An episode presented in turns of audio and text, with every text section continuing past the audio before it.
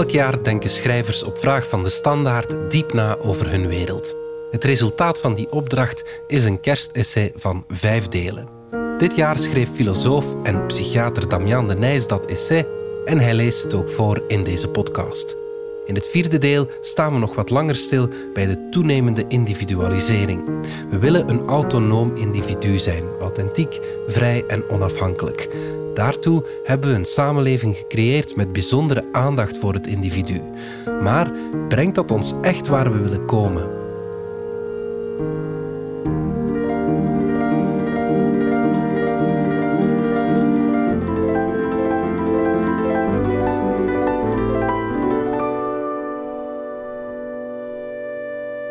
Deel 4. Samenleving en tragedie. Het voltooien van het absolute ideaal van individuele autonomie is een belangrijke drijfveer voor maatschappelijke ontwikkelingen. Sociale veranderprocessen transformeren de samenleving opdat ze de voorwaarden van autonomie optimaal vervullen. Met toenemende individualisering realiseren we authenticiteit, met globalisering onbeperkte vrijheid, met technologisering onafhankelijkheid en met digitalisering handelingsmogelijkheid. Zijn deze maatschappelijke ontwikkelingen succesvol in het bereiken van individuele autonomie? Authenticiteit. Het was een doodgewone dag. Ik zwaaide naar de hardlopende buurman terwijl ik de kartonnen doos van HelloFresh aannam, waardoor mijn iPhone op de betonnen vloer terechtkwam en het scherm in glassplinters uiteenspatte. Plots realiseerde ik me dat onze levens afschrikwekkend gelijkaardig zijn. We staan op, ontbijten, werken, lunchen, werken, dineren, ontspannen en slapen. Het ritme van de dag verdeelt het bestaan in compartimenten, waardoor we van geboorte tot dood in het gelid van de tijd lopen en in een stramien terechtkomen van eindeloze herhalende handelingen. Waar men zich ook bevindt, welk leven men ook leidt, altijd en overal ligt de monotonie van het bestaan op de loer, in staat om elk genot tot verveling te herleiden. Niet alleen de dagindeling, maar ook de daginvulling van de geglobaliseerde mens vertoont pijnlijk gedetailleerde gelijkenissen. We bereiden dezelfde maaltijden die in dezelfde kartonnen dozen worden afgeleverd. Op dinsdag eten we risotto met brandleviworst, venkel en mascarpone. Op woensdag maanpizza met aubergine, mozzarella en paprika. En op donderdag krieltjesla met zalmsnippers, sperziebonen en courgettelinten. Allemaal vergeten we witte wijnazijn te kopen en allemaal verzamelen we in de keukenla te veel overgebleven zakjes paprika en curry. Miljoenen huishoudens bereiden wekelijks achter hun fornuis hun authentieke gerechten als voorgekookt maatwerk. We gebruiken op dezelfde smartphones, dezelfde apps en dezelfde emojis om dezelfde gevoelens te communiceren. En we volgen dezelfde series bij dezelfde streamingdienst. We polsen bij elkaar in welke episode we zitten. Weet Miranda al dat Jason wil scheiden? We houden ons voor dat onze voorouders een voorbestemd en saai burgerleven leidden, omdat ze gevangen in hun verzuilde bestaan jaren dezelfde pakken droegen, konden kiezen tussen boterhammen met ham of kaas en levenslang dezelfde kerk of politieke vereniging bezochten. Maar we herhalen hetzelfde als vorige generaties. Het verschil is dat we nu in onze uniciteit geloven. We verkeren in de illusie van authenticiteit en we knopen ons leven aan elkaar met unieke belevingen. Achter elke unieke façade schuilt alledaagse eenvormigheid. Wie op vakantie bij valavond door Santorini slentert, moet zich een weg banen. Tussen tientallen koppels uit China die poseren voor een unieke huwelijksfoto bij zonsondergang. Op jacht naar authentieke belevingen sterven mensen door kuddegedrag. Elk jaar storten toeristen te pletter in een droge rivierbedding omdat ze net voor hun bungee-sprong no-jump en now-jump door elkaar halen.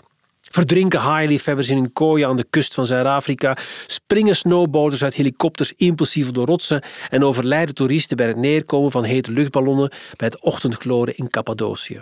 Ik zie de honderden alpinisten als aan een kleurrijk parelsnoel geregen in de rij op de kam van de Mount Everest.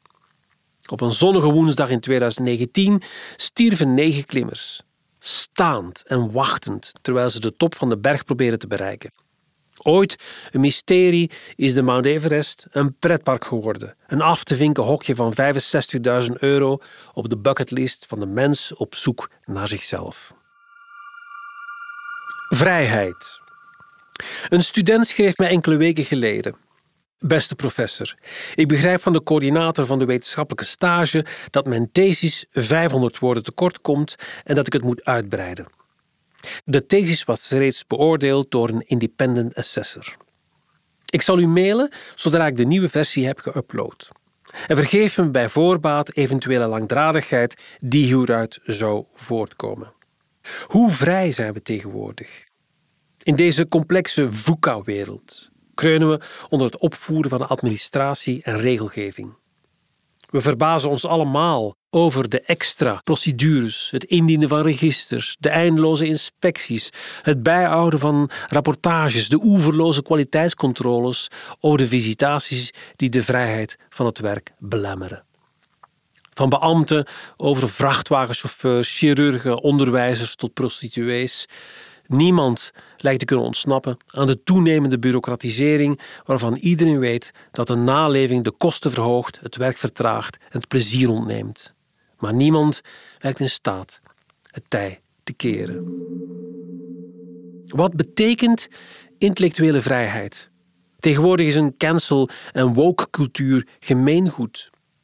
Rowling, auteur van Harry Potter, werd gecanceld omdat ze de genderneutraliteit in een tweet nuanceerde. People who menstruate. I'm sure there used to be a word for those people. Someone help me out. Wimben, wimpund, woemut. Voor de ene betekent cancelcultuur het open debat met deelname van gediscrimineerde gemeenschappen en voor de ander verhindert ze de vrije meningsuiting. In die controverse is alle denken tegenwoordig synoniem geworden met dwarsdenken. Mogen we nog vrij boeken lezen? De BBC-reeks Ban Books meldt dat voor het eerst in 40 jaar de censuur is toegenomen. Volgens de American Library Association zijn boekverboden in Amerikaanse bibliotheken afgelopen jaren verdubbeld. Censuur wordt bij voorkeur in scholen toegepast, waar onder meer Ovidius metamorfose zijn gebannen om de gevoelige geest van kinderen te sparen. Zelfs aan universiteiten, eeuwenlang vrijplaats voor ongebonden denken, kan niet meer vrij worden gesproken. Voor een bezoek aan Cambridge University plaatste John Cleese zichzelf op een zwarte lijst van ongewenste mensen met ongewenste opvattingen. En recent werden aan Belgische en Nederlandse universiteiten het debat gevoerd of de woke-beweging, die een tirannie van politieke correctheid voert, de academische vrijheid bedreigt. Men kan opwerpen dat ik anekdotische details aanhaal en de echte vrijheid globaal wel is toegenomen. Freedom in the World publiceert jaarlijks een rapport over politieke rechten en burgerlijke vrijheden. De editie uit 2021 markeert het vijftiende op in volgende jaar van vrijheidsbeperking. De vrijheid daalde in 73 van 195 landen en steeg slechts in 28. Bijna 40% van de wereldbevolking leeft in 54 niet-vrije landen.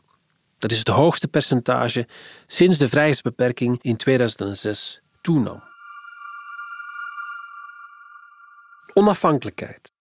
De telefoon, mijn mobiele vriend, las ik ergens. Dankzij smartphones controleren we de wereld. Maar die onafhankelijkheid is relatief. We maken ons onafhankelijk met de telefoon, waarvan we nadien afhankelijk worden. Gemiddeld spenderen volwassenen 3 uur en 15 minuten aan hun telefoon en verifiëren ze het toestel ongeveer zo'n 60 maal per dag. 7 op de 10 volwassenen controleert zijn telefoon, ochtends binnen een uur na het opstaan en de helft voor ze naar het bed gaan. Hoewel ongewenst, controleert de helft van de mensen hun telefoon ook tijdens weekenden en vakanties en voelt men zich angstig en geïrriteerd als ze hun telefoon een week moeten missen. Mensen doen de vreemdste dingen om zich te onttrekken aan technical dependency. Een vrouw van 40 ondergaat elke zomer een digital detox. Uitloggen ervaart ze als een mix van bevrijding en onthouding. In Silicon Valley levert men zich over aan dopamine fasting. Men onthoudt zich van dopamine-producerende activiteiten in de hoop de gevoeligheid voor beloning te verminderen, waardoor het genot nadien weer hoger wordt. Hoewel geen enkel wetenschappelijk bewijs deze methode ondersteunt, streven de geheelonthouders naar onttrekking van social media, suiker of winkelen. Smartphone-producenten realiseren het gevaar van afhankelijkheid van hun producten en bouwen daarom faciliteiten in om je te verhinderen je eigen telefoon te gebruiken. Ik ken geen nuttig apparaat dat ten behoeve van mentale gezondheid van de gebruiker zichzelf uitschakelt, behalve de smartphone. Technologie heeft het leven gemakkelijker, handiger, veiliger en aangenamer gemaakt. We zijn zo afhankelijk van technologie dat zij een deel van ons leven is geworden. En die stilzwijgende technologisering heeft onomkeerbare gevolgen voor individu en samenleving. Agency. We hebben handelingsbekwaamheid afgedwongen, maar enkel in de virtuele wereld.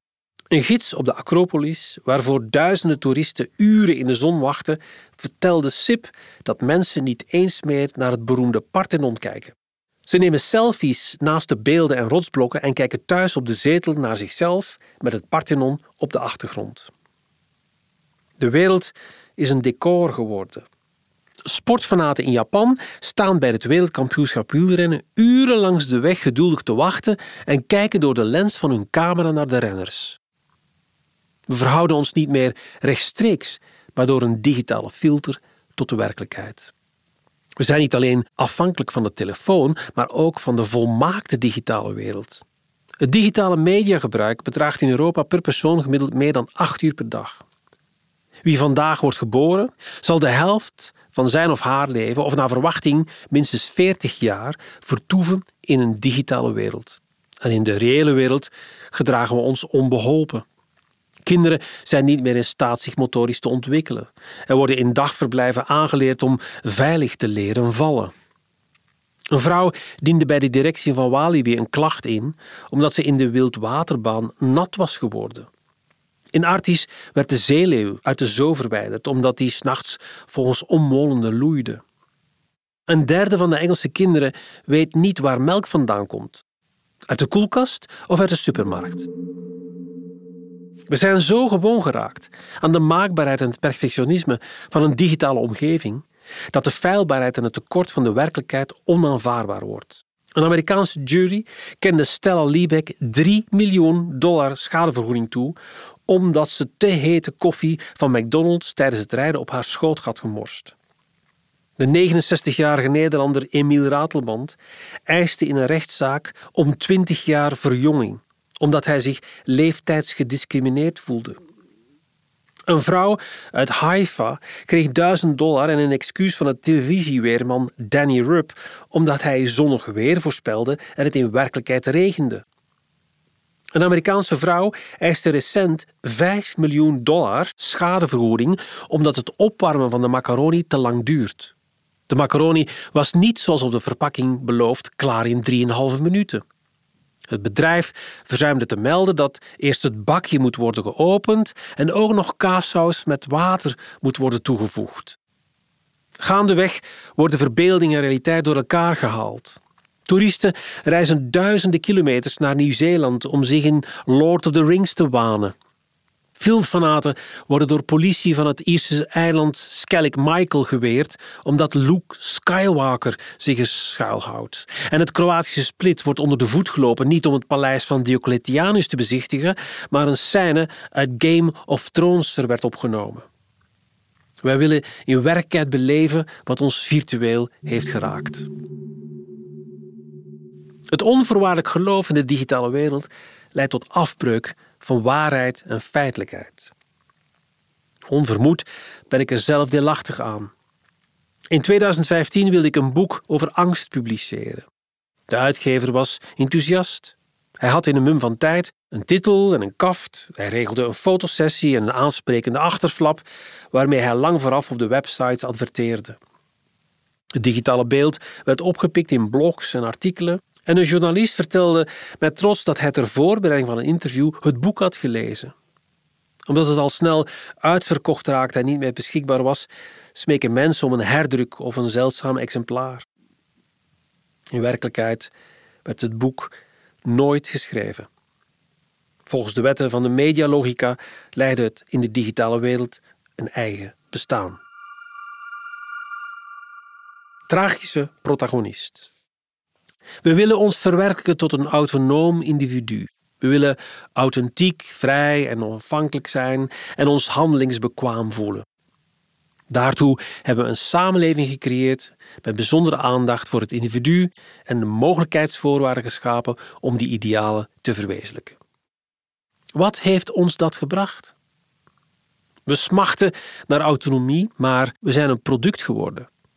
De documentaire Social Dilemma analyseert de algoritmen waarmee sociale media ons beïnvloeden vanuit de blik van de ontwerpers. En ze komen met een ferme waarschuwing. Jij bent niet de gebruiker van internet die met zoekmachines je verlangen bevredigt. Je bent het product dat wordt verbruikt, wiens uren op internet door bedrijven aan adverteerders worden verkocht. Hoe autonoom zijn we nog als we dagelijks onze aandacht aan sociale media vergeven en de tijd van ons leven letterlijk als koopwaar wordt verhandeld? We zijn niet alleen een product, maar begrijpen de mens zelf ook als een product.